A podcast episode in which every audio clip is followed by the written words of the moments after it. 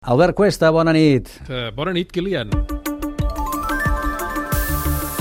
Avui parlem de Google, que ha començat el seu congrés de desenvolupadors reclamant el territori que li correspon a l'intel·ligència artificial. Doncs sí, davant de la falera d'aquesta falera de la indústria, dels mitjans i dels consumidors també, per plataformes experimentals com ChatGPT, Google ha reivindicat la seva veterania amb l'ús dels algoritmes. El conseller delegat Sundar Pichai ha, ha repassat les desenes d'usos dels algoritmes amb els productes i serveis de Google que ja coneixem. Per exemple, com Gmail ha anat aprenent amb el temps a suggerir-te paraules de resposta fins que ara ja et pot redactar missatges sencers amb el to que tu li diguis. Però, a més de serveis cada vegada més intel·ligents, Google també té el seu xat GPT. Sí, el tenen perquè no es poden permetre que ni OpenAI ni Microsoft siguin percebuts pel públic com a més innovadors. I per això el chatbot que BART de Google, que fins ara era experimental, eh, sí. l'han obert, està disponible avui, des d'avui, en 180 països, inicialment en anglès, en japonès i en coreà.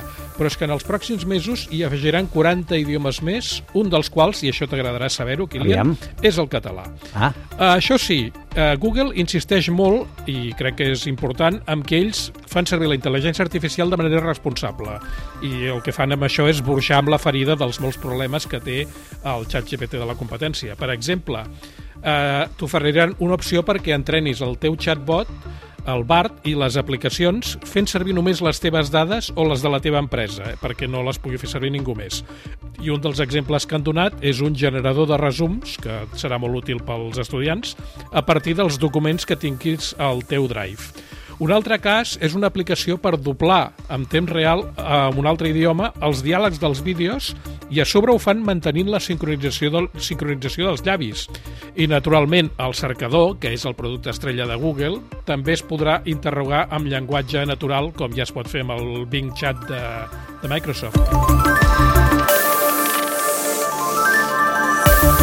Però és que a més de software i algoritmes, Google també ha presentat aparells nous. El nou model de referència es diu Pixel 7a i arriba acompanyat d'una nova tauleta amb Chromecast integrat eh, que inclou la base de taula per carregar-la i un mòbil desplegable de, que mm, costa 1.800 dòlars i serà la referència també de l'Android 14, que és el sistema operatiu, la nova versió de Google. Ja, bé, doncs ja ho veieu, des de la intel·ligència artificial a telèfons desplegables. Albert, demà més, gràcies. Bona nit, Kilian. Fins demà.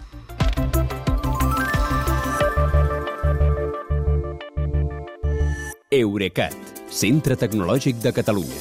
Innovant amb les empreses. Innovant amb tu.